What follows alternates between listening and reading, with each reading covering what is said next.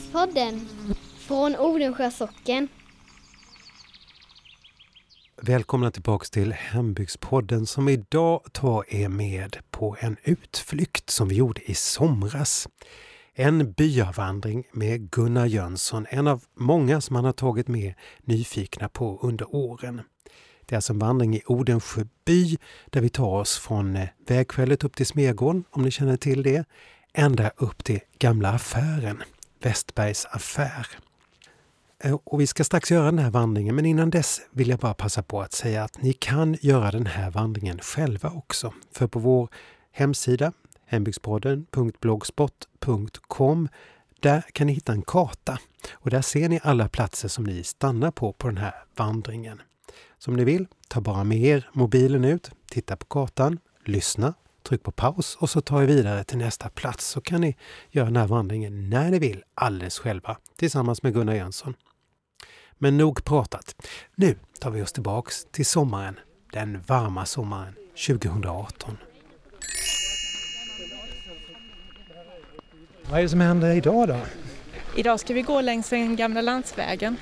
Fullt med folk. Vi är utanför Smegården i Odensjö om ni vet vad det är. Mycket folk alltså.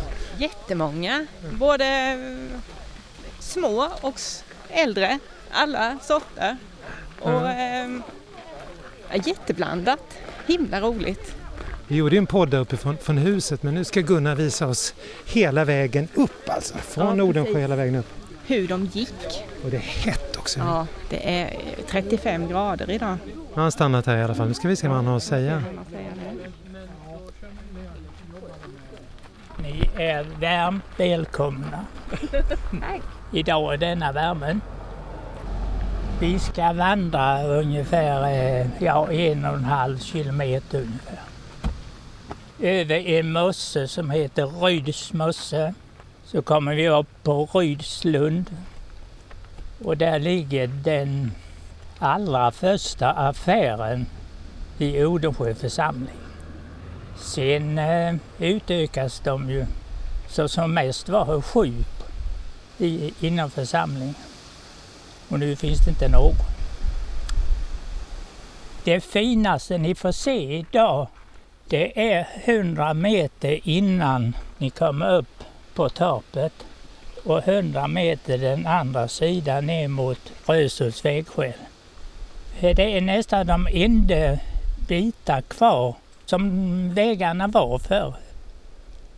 Annars eh, sådana här vägar så har det ju blivit skogsvägar ju med maskin och, och breddning ju. Till exempel de stenstolparna där, de har inte stått där från början. Det var ju inte mer än tre meter mellan dem, knappt det. Så de eh, blev nerrivna och sen så efter 20 år som de har vuxit ner så reste jag upp dem som det finns någon kvar där. Den här eh, handlaren han var ju mösseskräddare också. Emellan kunderna satt han och sydde möss. Och det är dagen till ära därför jag har en vegamössa. Det är inte den ursprungliga, det är inte hans utan det är ju en annan modernare grej. väl. Men det påminner i alla fall om vegamössorna som han sydde och gjorde sig ju så känd. för. Det är ju din mössa som du har, som du brukar ha. Ja, den har jag både natt och dag. Inte nu. Ja. Vad jag mest vill prata om och visa det är egentligen den gamla landsvägen och sträckningen på den. Och då tänkte jag att vi ska börja ända ut i Åsen. Åsagården är ju en med de äldre gårdarna här ju. Men det var ju skjutstation. Har kanske varit i flera hundra år. Men de hade alltid hästar och skjutsade. Och vägen gick in emellan husen där och eh, förbi, eh, ja det var en hel del verksamhet. Det var smed och det var tjärbränneri och allt möjligt. Och sen så, mm, ja, så gick det förbi missionshuset ju. Och skolan. Därför fick ju skolan sin placering. För att det var ut med allmänna vägen där. Och sen går det väl vidare ut till Skogshyddan. Genom Loshult vet jag inte så, jag tror inte det har blivit så mycket ändring där. Och, och eh, vid Hästhults vägskäl och eh, genom Losskoskogarna. Och så alltså, kommer vi fram till Skrinhults vägskäl. Strax innan där, om vi då tänker oss utifrån, på höger sida, där gick vägen in i en bra sväng och kom ut lite längre upp.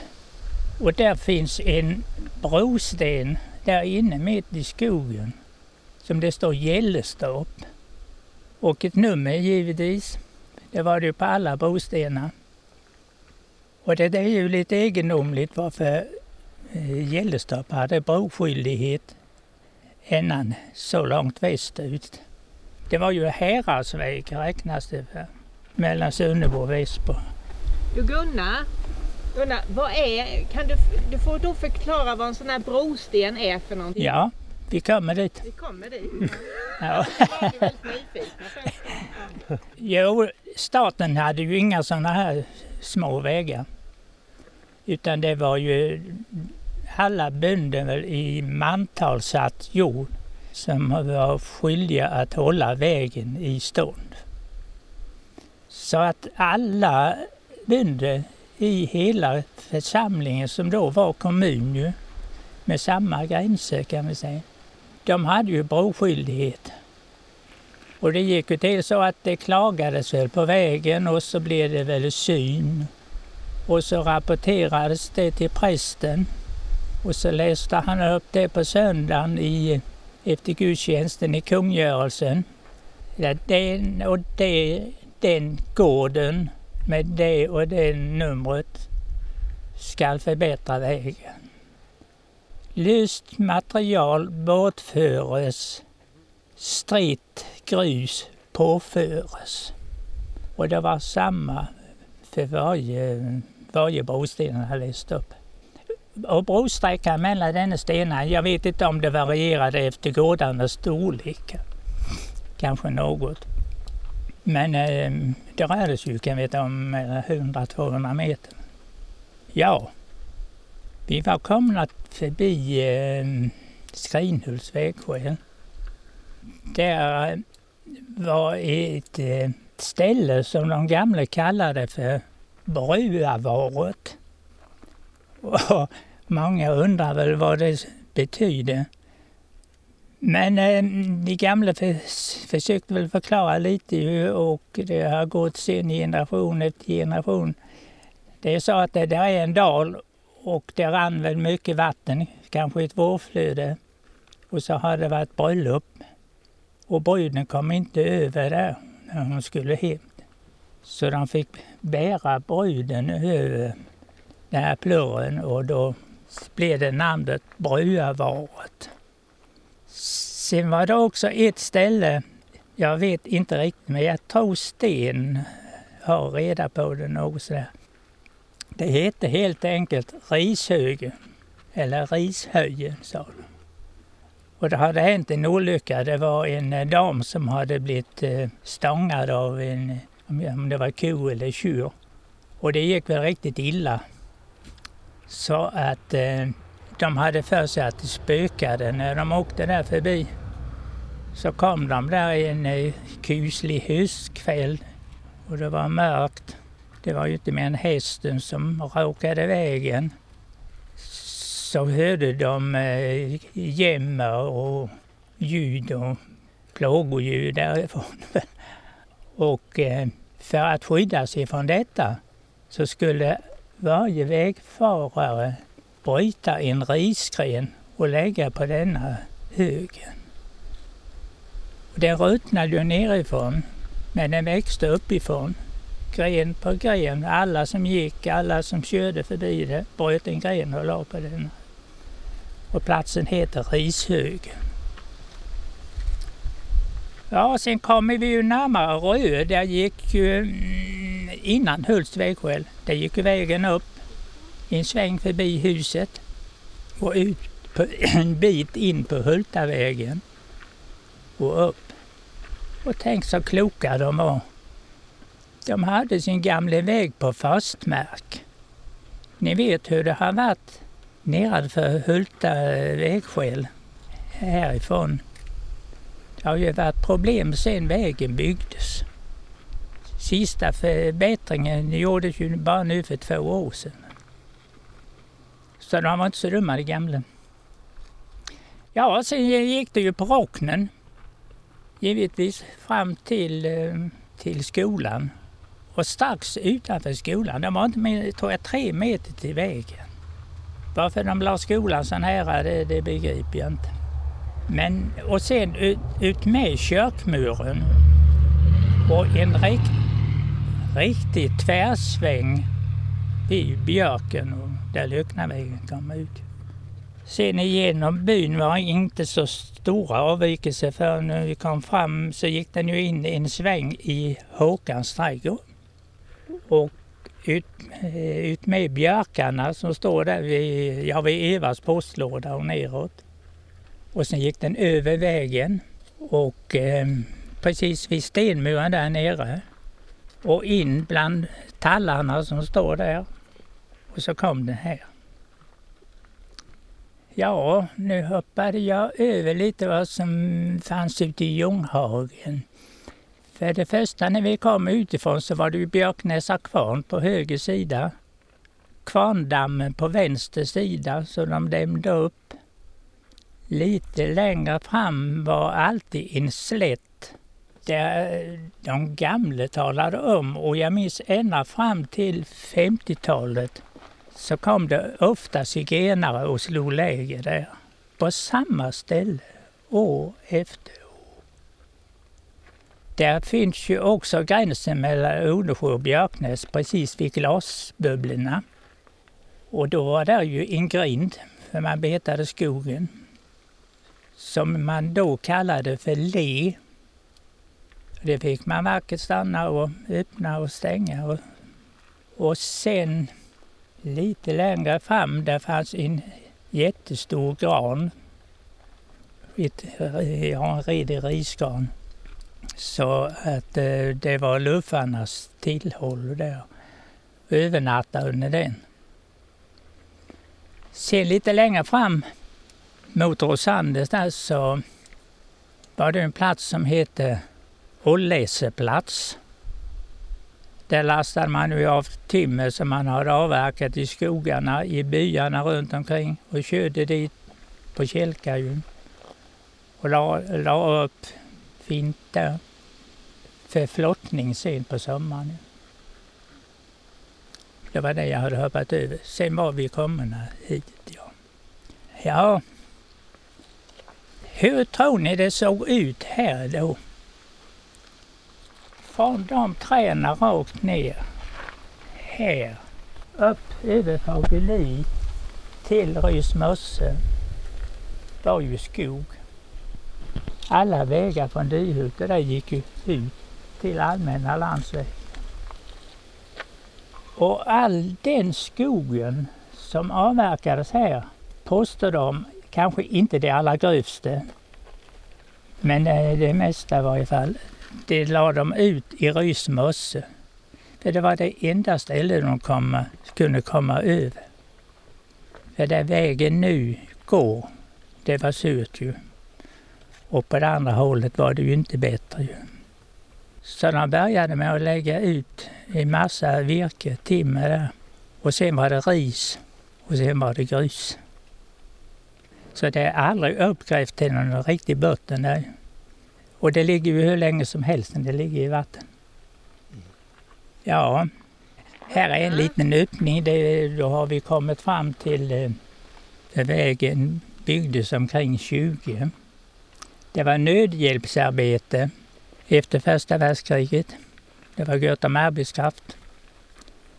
Och de bodde ju i kåkarna, bonnaställen, här och var under tiden de jobbade.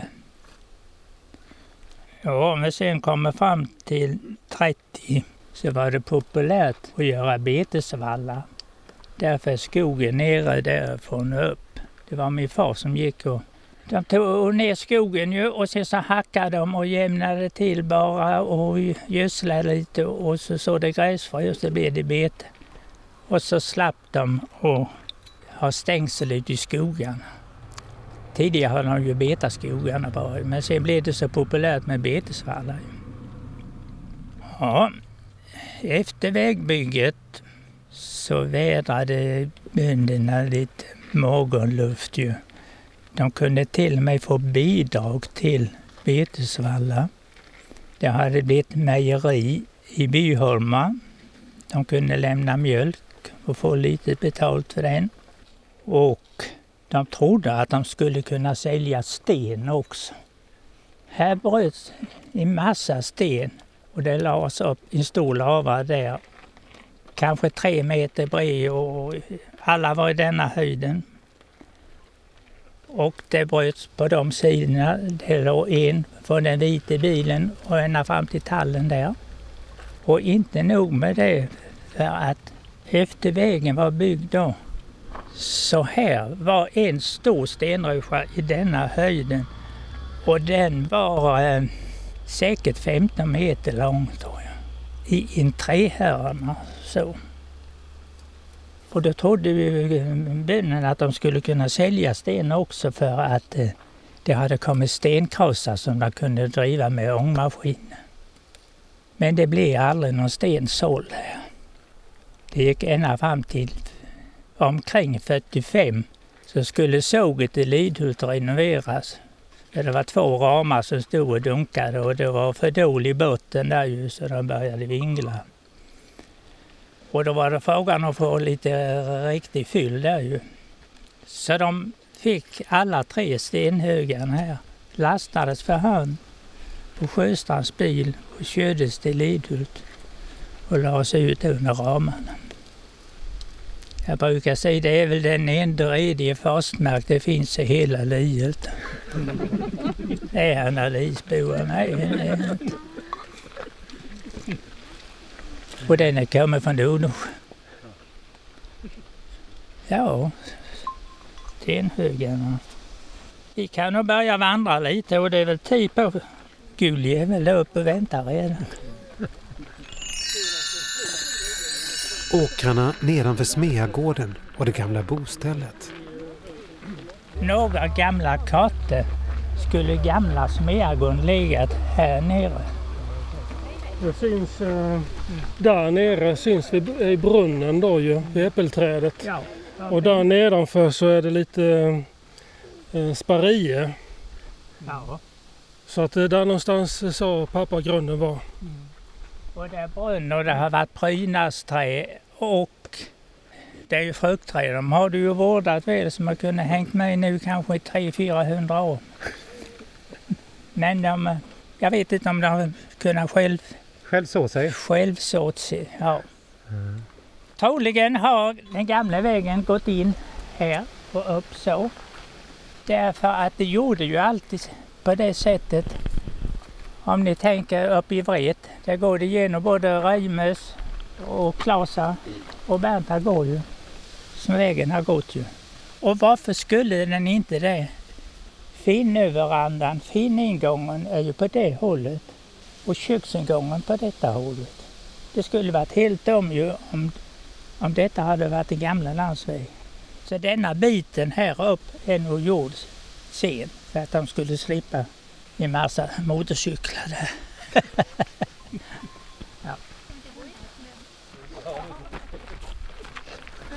Nu smet han iväg på ett annat håll. Vi går inte riktigt nu gamla landsvägen. Nej, jag vet inte vad det här beror på. Nej, nu går vi bakom.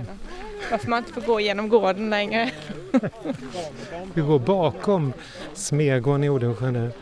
Och landsvägen gick alltså på rampsidan då. Ja, det är ju inte många meter bort. Vi ser ju det. Du, du, du är byggnadsantikvarie. Varför hade man verandorna på framsidan? Liksom? Det är finingången. Och alltså verandan. Verandorna tillkom ju lite senare. De kom eh, ungefär då när eh, järnvägen kom till Sverige. Nej, vi då någonstans? Ja, andra hälften av 1800-talet, en gång 1870 kanske. Och eh, det handlade om att eh, för de är ju lite krusidulliga sådär, den här schweizerstilen som var poppis och man gjorde massa fina stationshus som var sådär lite krumeluttiga och, och fina. Ja, krum, med snickarglädje. Ja. Och, ehm, man säger det att man fick liksom inspirationen från stationshusen och tyckte att det var vackert och fint och, och så spreds det sådana här mönsterritningar och grejer. Just Smeagården har en fantastisk veranda. Vi ser den inte just nu eftersom vi är på baksidan men Ja, den är krumeluttig och fin. mycket krumelutter och mycket original framförallt också. Ja, jättefin är den. Ska vi se, nu kommer vi upp till ett... Här kommer bli svettigt det här. Smeagården. Har du någonting att, du vill berätta om Smeagården? Nej. Nej, jag vet inte vad jag ska säga. Det, pappa trodde att det var byggt, eh, huset var byggt på 1840-talet. Jag kan inte säga varken bu eller bä i det fallet.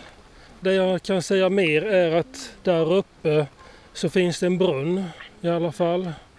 Som pappa visade. Och jag vet inte, det måste ju varit ett hus i närheten då.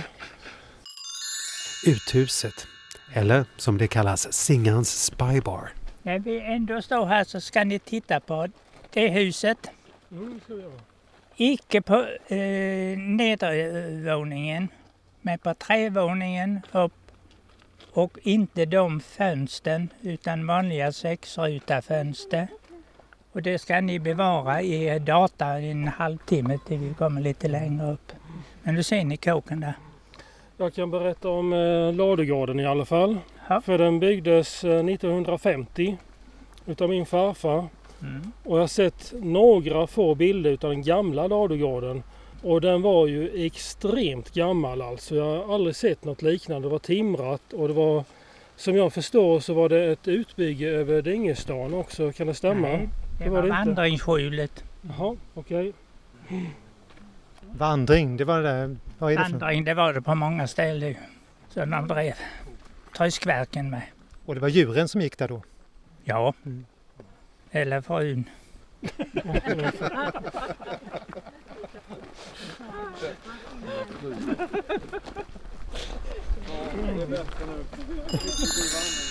Övergivna brunnen. Nu har vi kommit upp några hundra meter bara precis ovanför Smeagården här. Det huset Lars-Ingvar pratade om, det har legat precis här nere bakom björkebuskarna. Och eh, där finns en brunn. Och jag har aldrig sett så fin en brunn. Den är nog inte större än så här i diameter. Man kan inte vända en spann där nere utan man får nog trycka ner spannen för att få få upp vatten. Och så, jag hade märkt ut vad den var.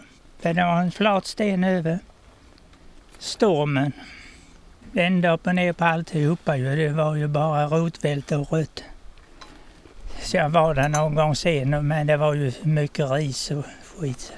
Jag kunde inte hitta den. Och, men vi får göra ett Vi försök får till. ta och undersöka detta ja. Ja. Jaha, Vem bodde här då? han hette Lias. Lias Bengtsson. Och vad han sysslar med vet jag inte. Det är inget som jag minns ju men jag har ju hört berättas om. Skolhusfållen.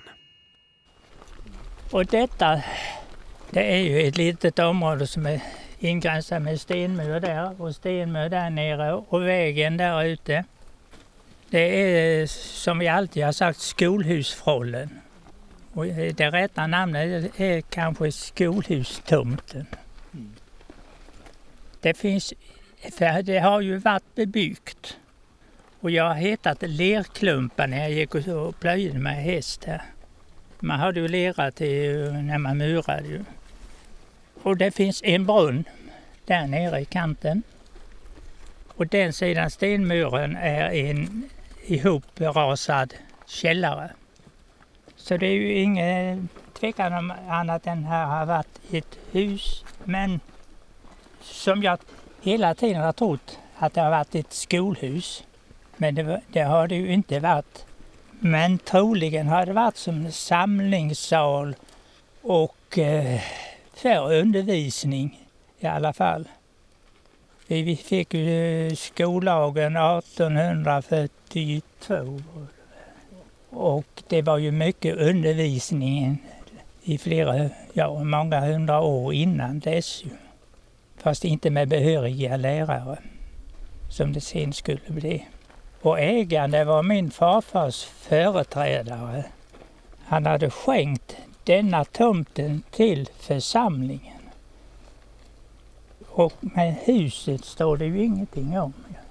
Och nu fick jag reda på senast igår genom Rolf Hjälp att den här Jonas han hade, var det tre eller fyra barn? Fyra barn som dog i spädåldern, så de var barnlösa. Så han tyckte det spelade ingen roll om han skänkte bort. Sista barnet dog 1858 och de donerade, eller gåvobrevet är skrivet 1869. Mm. De kunde troligen inte få några barn mer va? Nej. Jajamän.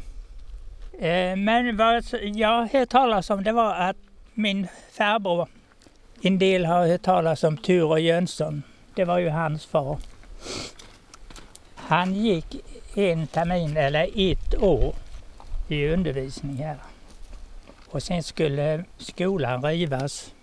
Så undervisningen blev nere i Stella och Andersa storstuga i ett år. Och då växte han ju upp där hemma så han hade ju bara syrenhäcken att hoppa över till skolan. Det kan ju vara så att det har varit en strid emellan Lyckna, Vret, Röshult, Götabo ville ha skolan här och Jonas skulle hjälpa dem till tomt för att driva på att skolan skulle byggas här. Ut med Häradsvägen nu. Men Utsocknes hellre ville ju ha den där nere så de fick närmare dit. Det är bara som jag fantiserar men det kan mycket väl ha varit så. När byggdes den skolan Gunnar? 1886 skulle Albin ha gått här. Och huset kanske inte var så, så litet som var här för att jag, jag, kan inte komma ihåg riktigt om jag har läst eller, eller gubbarna berättade att när kyrkan brann, alltså först var det prästgården som brann ju. Det har ju blivit två prästgårdar sen dess. Men den brann ju och så blev det klockstapeln och så blev det kyrkan. Och då skulle gudstjänsten och förrättningen varit här uppe i, denna, i detta huset. Det var ju 1815 så det hände och det är klart att huset måste ju ha stått en hundra år innan ju, så det kan ju stämma kanske.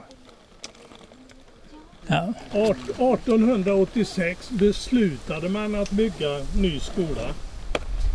Och eh, exakt sen när den blev färdig, det vågar jag inte säga, men Nej. beslutet finns där. Ja, det var ju det året han gick här. Sista året ju, 1886. Det stämmer? Allt stämmer. 12 november klockan 10 var lantmätaren där och mätte ut tomten. 12 november klockan 10. Vi är gamla vid församlingshemmet då? Ja, ja just det. Ja. År? 1886. Det var samma år ja. ja. Ska vi gå hem eller vi ska fortsätta? ska vi gå, ja. Jag tror det var klart.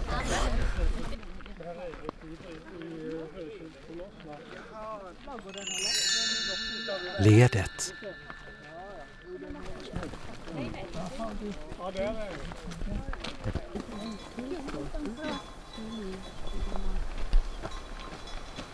Vi hör bjällran.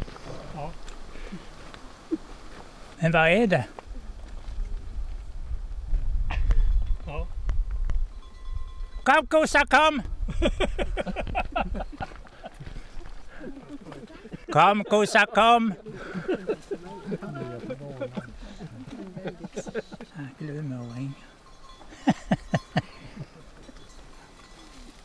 Tänk vad lugnt och fridfullt det var på den tiden när de skulle hämta korna på kvällen. De gick på skogen. Det behövdes ingen buskröjare. Det klarade djuren. Och så var det ju frågan om att hitta dem på, kvällen när de skulle hem och mjölka.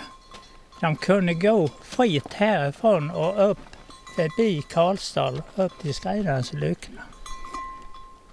Här var stängsel hela vägen upp i två och en halv kilometer.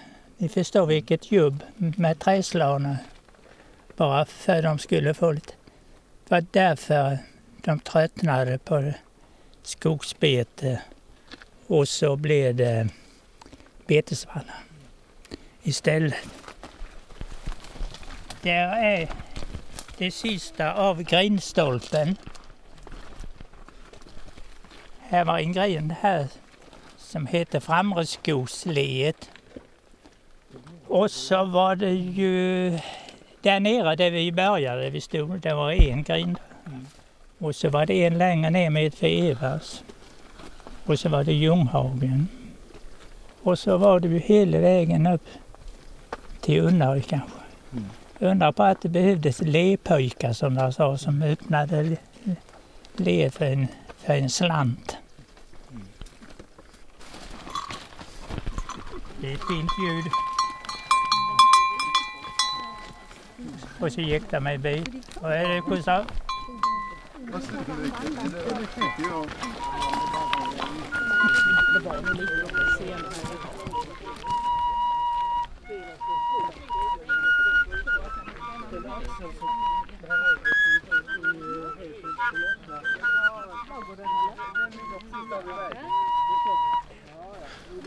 Rolf Karlsson är med här också. Alltså 1869, det var ett riktigt nödår här i Odensjö. Eh, då bildades en nödhjälpskommitté eh, och eh, man kan då läsa i olika dagstidningar här i Sverige att där undertecknarna var nödhjälpskommitténs ordförande plus kommunordförande då. Va? Mm. Och där man bad om hjälp och där står utav tusen invånare så var det 350 ungefär som inte hade sitt dagliga bröd. Oj. Så hårt var det. Det är ju otroligt. Ja. Men du, vad, var, vad var anledningen till att det var så nöd då? Ja det var ju eh, hungersnöd, det var missväxt 67-68 och sen så var allt utsäde slut. Mm. Så att eh, det, det, man hade inte utsäde helt enkelt. Man, man var tvungen att äta utsädet så att Ja, säga. man hade inte pengar att köpa eh, eh, utsäde heller. Va? Så det var problemet. Mm. Några år som inte var helt olika det vi har upplevt nu kanske? Precis. Mm. Ja. Svanströms sjö. Här brukar det alltid stå lite vatten. Och denna hörlan kallas för Svanströms sjö. Det var alltså en liten sjö. Och Svanström, det namnet sjön har fått här, det var för att han som bodde här uppe, han hette egentligen Magnusson men de kallade honom för Svanström. De hade denna hålan för att spå väder. Någonstans här var en sten och det var ett hack i den stenen. Och när det hade varit en regnperiod så gubbarna började tröttna så sa de, är det inte slut med det här regnar snart? Ja, det ska vi snart ta reda på. Då var det någon som sprang upp och tittade. Nej, det är ännu en liten bit i hacket så det blir regn en eller två dagar till. Stämde alltid. Här sitter Lasse med en granne och sköt en älg.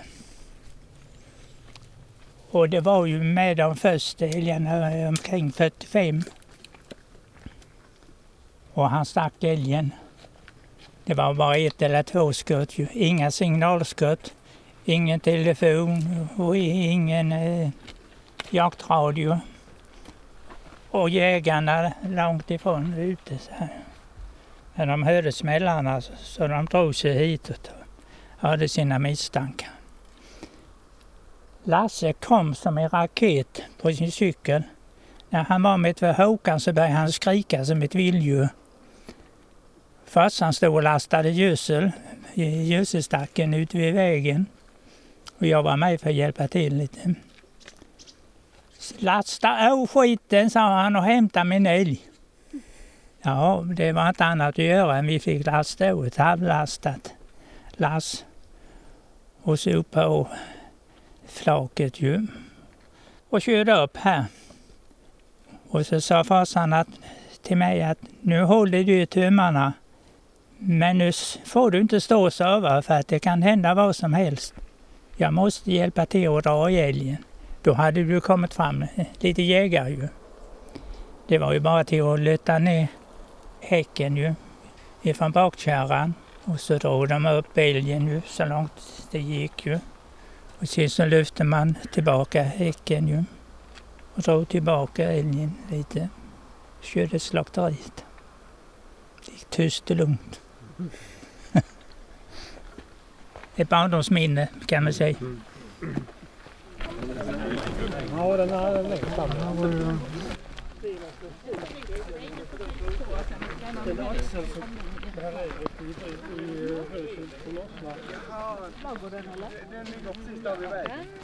Svanströms.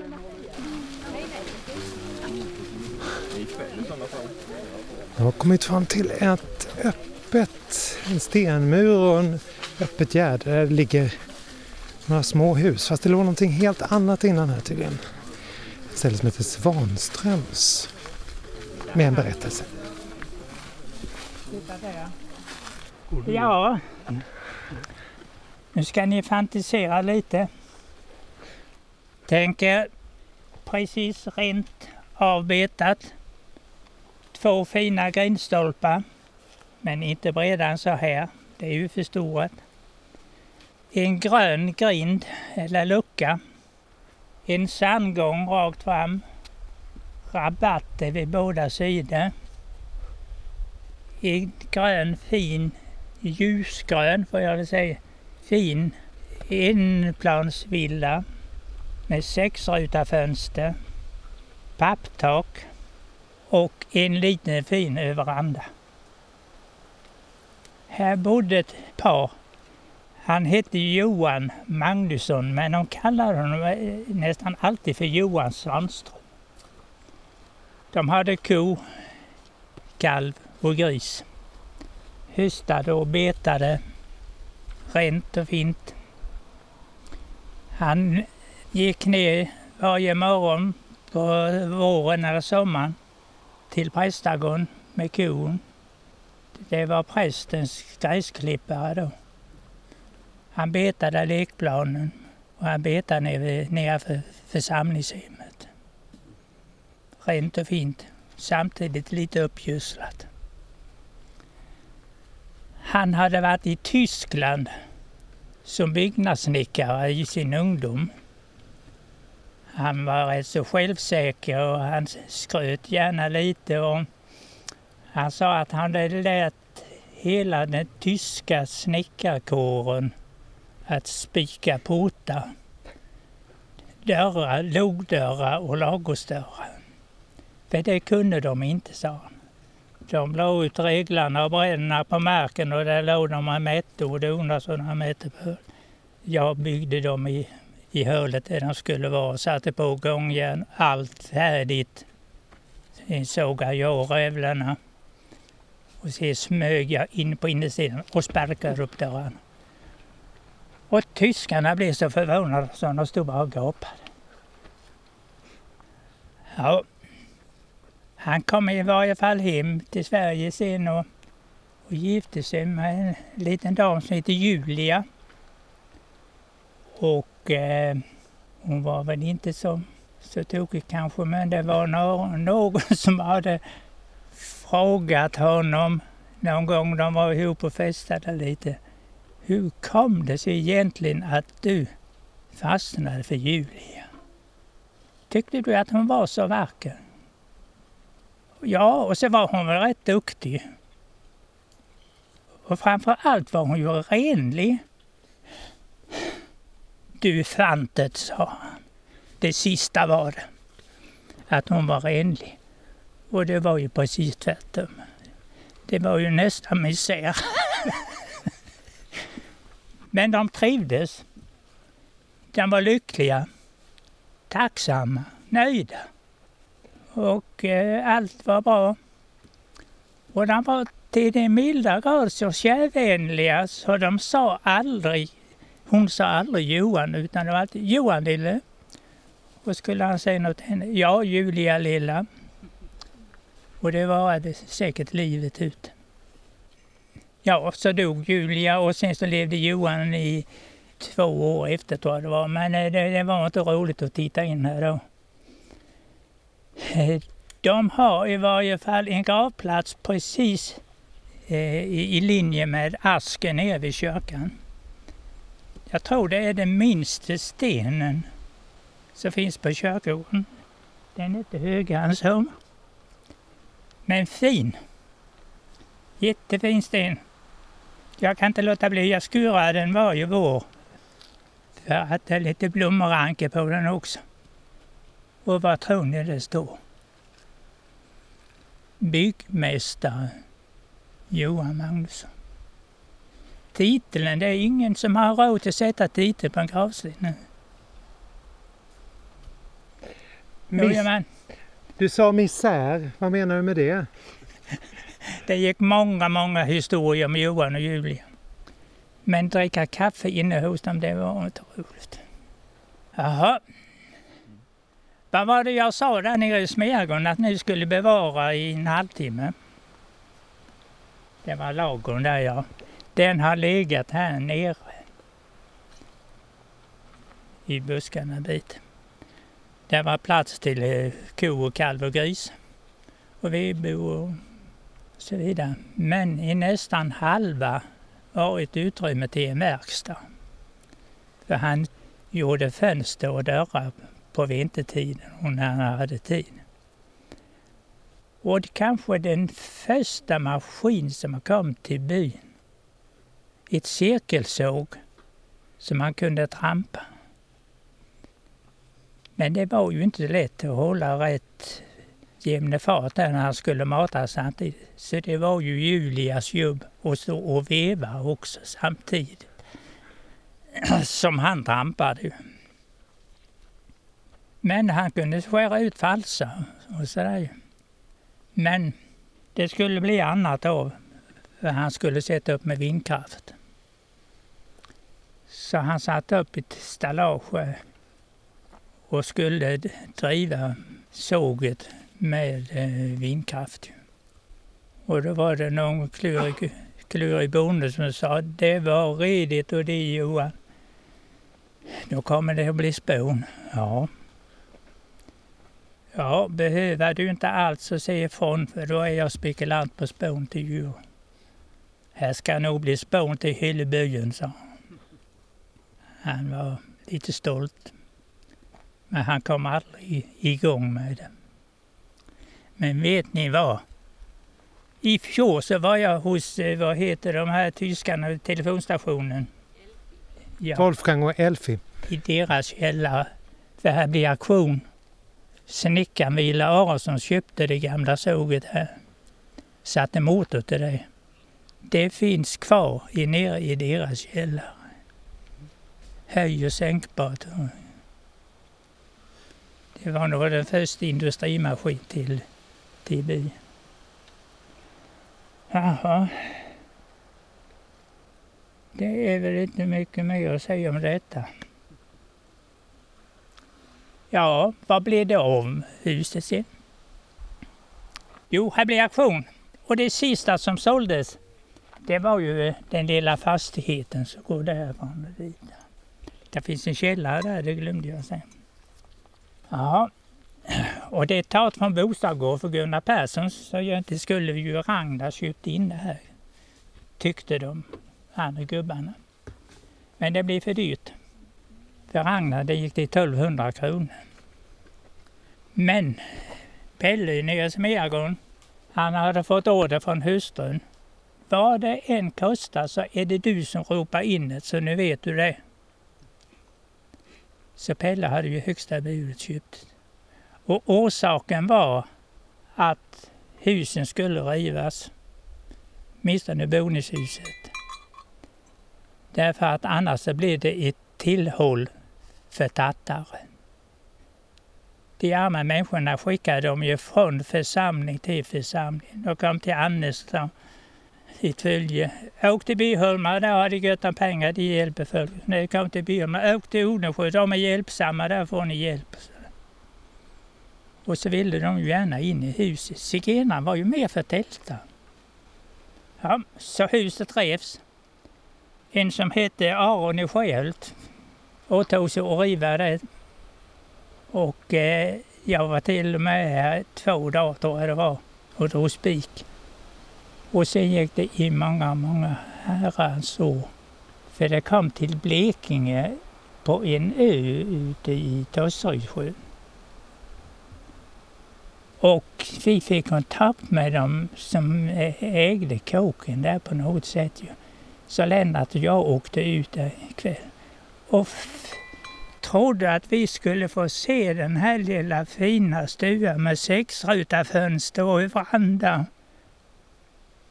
fanns inte en brajalapp vi kände igen. Det var som ett skatebo. Byggt den ena våningen efter den andra. Ja, det såg himla konstigt. ut.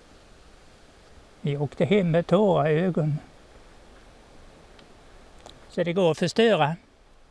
Och tänk vad här har varit öppet och fint innan nu. Det går en bra bit bort där. Han hade lite vedbrand ju. Nu får det växa. till Gunnar att han som köpte den stugan, han hade varit arrendator på det stället som är Kalles i Blekinge, för er som vet vad jag menar. Kvarnjunkare? Han var frånjunkare och jag kan inte komma på hans namn nu. Kan du det Rolf? Göransson eller? Göransson hette han. Jaha.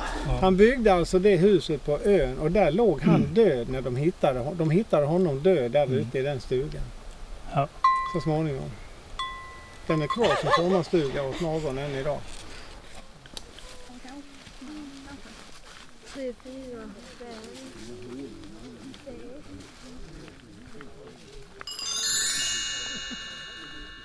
Tures tall. Tall som de flesta jägare vet vad den heter. Tures tall, eller Tures för. Då visste de var de var någonstans. Den är gammal. Vad har vi Lars-Göran? Ja, den är du rädd om. Du vet om det, för det är på hans äge.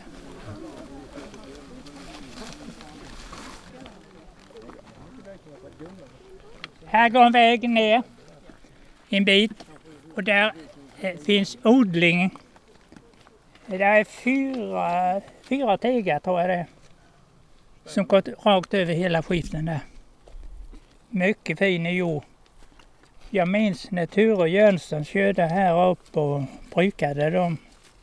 Det har vuxit upp en generation, generation gran i diken i varje fall sen dess och avverkat. Så det förändrar sig. Och så är det avverkat igen? Är det avverkat igen? Mm. Ja, det var... Ja.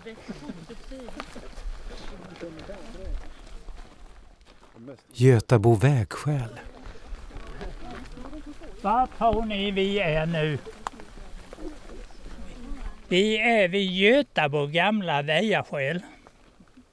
Vägskäl på svenska. Den vägen fanns ju inte. Fageli och Götabo, det gick ju rakt över kullen där, kom ut där borta. Här, här var Götabo Vägsjö. Så de kom ju mycket närmare vägen där.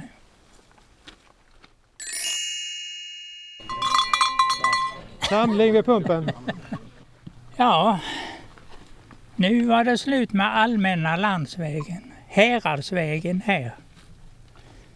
Så den går där. Och det är bara en liten bit ner och så är det bara 100 meter över mössen. Och sen är vi ju uppe där på tappet. Nu undrar jag hur bråttom har ni? Halv sju, längtar ni hem? Så vi ska gå direkt upp? Eller ska vi gå bort, eh, ja bara 100 meter? Och så till vänster där till Bollstorp. Längre upp finns Gransbo ju. Har vi gått så här långt så får vi väl... Ja, dagen är förstörd. och skitväder. ja, ni så går vi bort. För det är ju också Oda Johannas som ni har hört talas om. Och jag har skickat bud på odarna i Lidhult men de tyckte väl det var för varmt så de, jag trodde jag de kunde komma dit och prata lite om det. Men har ni lust så går vi, och är det några som har är jäktade så, så bara följ denna vägen. Så kommer ni upp på toppen.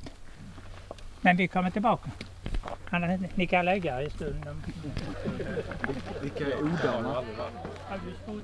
Bolls gamla torp.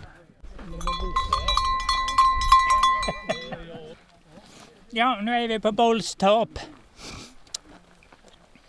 Stugan har legat här. Lagen har legat där. Jag minns lite grann om lagen när den höll på att falla ihop. Men ingenting om huset här. Men det är ju målat av eh, Carl Wiberg. Är det, väl? Ja. är det inte det som är församlingshemmet? Det finns en målning av det i alla fall. Boll, bollstuga, ja. Men det är också en fantasi. Så att det... Ja.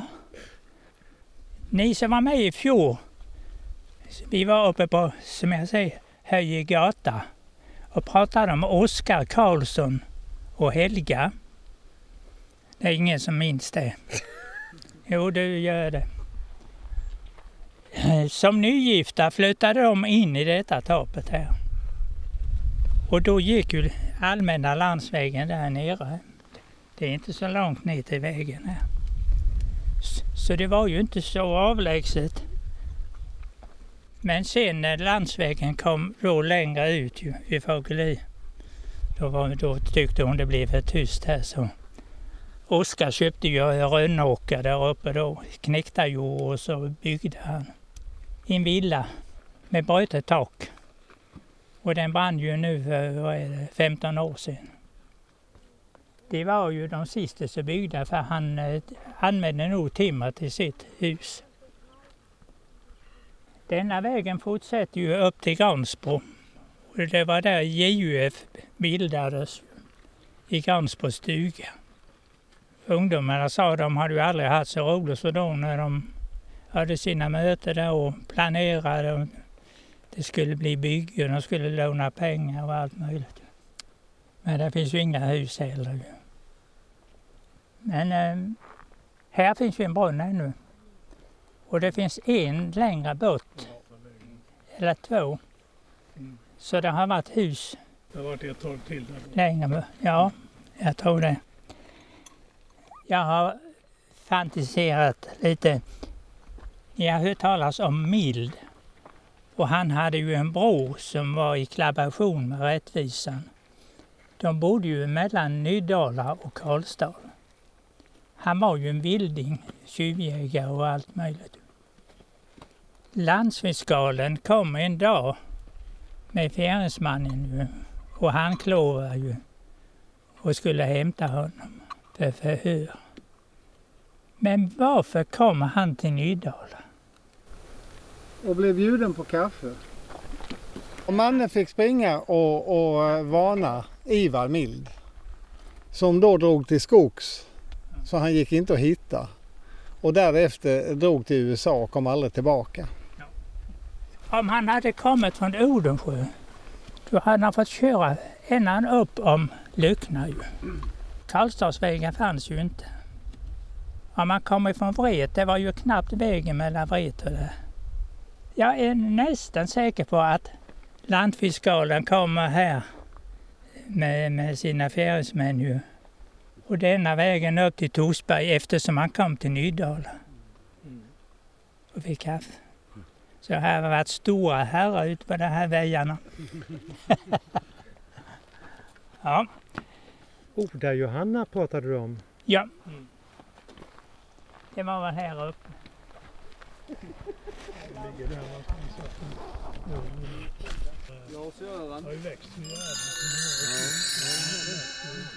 Oda Johannas.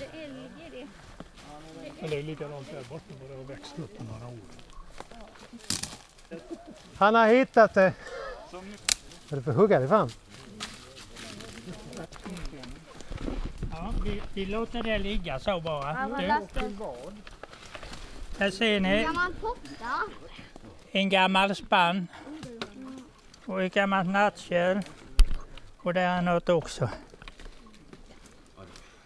Det låter vi ligga så. Var är vi någonstans? Oda Johannas stuga. Där hon hade sin stuga får man väl säga. Kan du säga något om henne bara? Jag vet inte mer än att hon gick ju bara och, och tiggde och fick lite mat. Och så hade hon en gris som hon tiggde mat till också. Och den växte ju inte fort men den följde henne var hon gick. Det har ni sett eller hört eller läst om, det är säkert. Och så kom hon ner till prästgården och där fick hon, kan veta, ett bra mål hos prästen. Och så hade hon grisen med och så smet grisen in. Och då skrek hon på den, eller sa till att han skulle gå ut och vänta där ute. Men då sa prästen nej, nej, nej, släpp in grisen. Så han fick han också. Och han tyckte det var så väldigt roligt att kunde släppa in den i det fina prästgården. Ja. Hon bodde senare på, eh, på gården på Hallalund. På Nydalasidan om huset på Hallalund. Där låg ett torp som jag tror också kallas för Oda-Johannas. Där bodde hon också ett antal år. Hon var väl soldatänka? Ja, det tror jag hon var var. Karl Odes hustru. Andra hustru. Ja. Det bra, ni Det var det. vet mer än jag. Små Och pojkar. grisen ska hon ha fått eh, när hon öppnade ett le åt eh, någon bonde som hade smågrisar med sig. Så fick hon en liten gris. Ja. Så levde de lyckliga hela livet? Ja, Ja. så enkelt var det. När man var på Norrmalmstorg och inte kunde sälja grisarna. Då slängde jag dem till de som öppnade. Det var roligt att höra att du sa le, det heter det. Mm. Och inte grind. Nej, Jaha, den småländska ska vi på. försöka ta oss ut nu? Jag råkar ni hit allihopa för jag glömde. Ja, lägg in den nu med GPSen i telefonen så är det klart. Precis så som vi när vi har letat. Nej, det är synd att det ska vara så ont om skog så de behöver plantera. Precis, här kunde ju varit en liten öppning. Hon hade en son med som blev soldat. Jaha, Och för Tosseryd. jaha. Nej, Torarp tror jag det var förresten. Torarp, ja just det. Det var sonen till Oda-Johanna. Och eh, han blev sedan polis. Hans hustru dog, eh, första hustru dog eh, tidigt. Och eh, dottern, eh, Dagmar. ja just det, Oda. blev hon bortadopterad. Hon hamnade i Hästhult hos arrendatorn i Hästhult, Dagmar. Dagmar Ode, Och blev Ja. lärare eh, i skolan. I Bolmsö, eller Bolmarö. Bol- Bolmarö. Ja. I minne. Så att, eh, och han blev pol- polis i Jönköping. Först brandman och därefter polis i Jönköping. Jaha. Och det är ju nästan lika fint som att vara polis i Halmstad. Det var nog duktiga människor.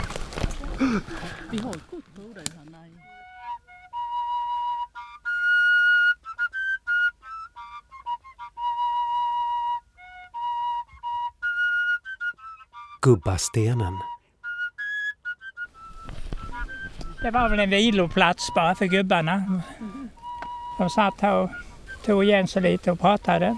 Hur gammal ska man vara för att få slå sig ner här då? Nej, det går nog bra. Vilken ålder. Den håller. definition på gubbe men jag fick ingen. Den håller att sitta på. Men vad som borde göras det är ju röja upp lite grann och snygga, snygga till lite. Det är ju i alla fall en gammal häradsväg. ju. Det- Det var ju om åren omkring 1920 som den nya vägen byggdes. ju. Jag vet inte om jag sa årtalet. Men det hände ju så fruktansvärt mycket på den tiden. de åren. Ni ska tänka, vi fick ju ström ifrån Vrå kraftstation. Det blev mejeri i Byholm. Och eh, telefonen kom ju också på en, på en enda gång. Och den första bilen, givetvis. När alla sprang och gapade mot vägen och skulle se den första bilen. Och de berättade den första flygmaskinen. Min farfar gick där hemma bakom ladugården och volmade hö. Han fick höra något i luften. Men de tittade ju bara neråt. Kunde inte tänka sig något i luften. Fick se en flygmaskin där. Och de skrek ju som viljor. Och eh, för att varna de andra så de skulle se upp och titta på den första maskinen. Och det skulle vattna omkring 20. Kanske något tidigare. Det var ju ovanligt här. Annars, eh, annars fanns det ju gott om flygmaskiner då, i försvaret. Det var innan Byholma. Ja. Och då sa de att när den försvann då i horisonten så säger han Herren i himmelen vet vad det är för dåras som hänger där uppe i luften och dinglar. Och det kommer de ihåg och berättat vidare sen under. Om du berättar jag för det så kan du det nu. Första bilen, var det Aron till Hästhult eller var det någon annan som hade bil innan i Odensjö? Han var den första mjölkarkusk. Han, han, eh, han var ju bara en liten pojk men han fick ta farsans bil och så hade han några spannar på pakethållare och körde till Byholm. Den första mjölka, mjölkarbilen. Vem var det? Ja. Arnt. Det var Arnt. Jaha. Ja, En klocka, en klocka. Då är vi snart framme.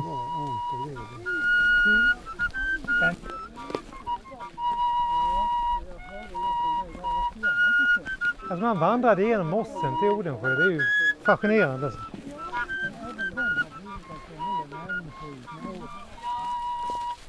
Hej! Westbergs affär. Det tog en stund. Hej! Hej! Du klippte ju bandet.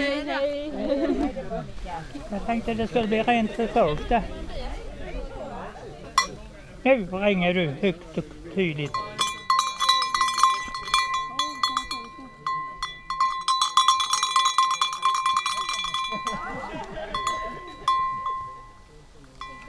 Är de flesta med? Jag bara vill att ni ska vända blicken på det hållet. Och se, det var detta jag sa, det är det finaste. Det har inte gått några skogsmaskiner. Där är ju orörd väg kan vi säga. Och stenmuren där. Och det har ju alltid varit trångt emellan träden. Tänk er när farfar hade varit i stan, kört i fyra dagar och kommer hem med varor till handlaren Westberg. Och kommer denna vägen här med en trött häst. Gamla-Lisa hette hon. Upp och börjar rulla av eh, fotogenfat och sådana där grejer. Det var arbete. Nu ska ni också titta på det hållet. Hur fint det är. För att det inte är uppröjt och förstört. Det var allt. Nu får Jenny och värdinnan överta här. Jag får tack för att ni har hängt mig.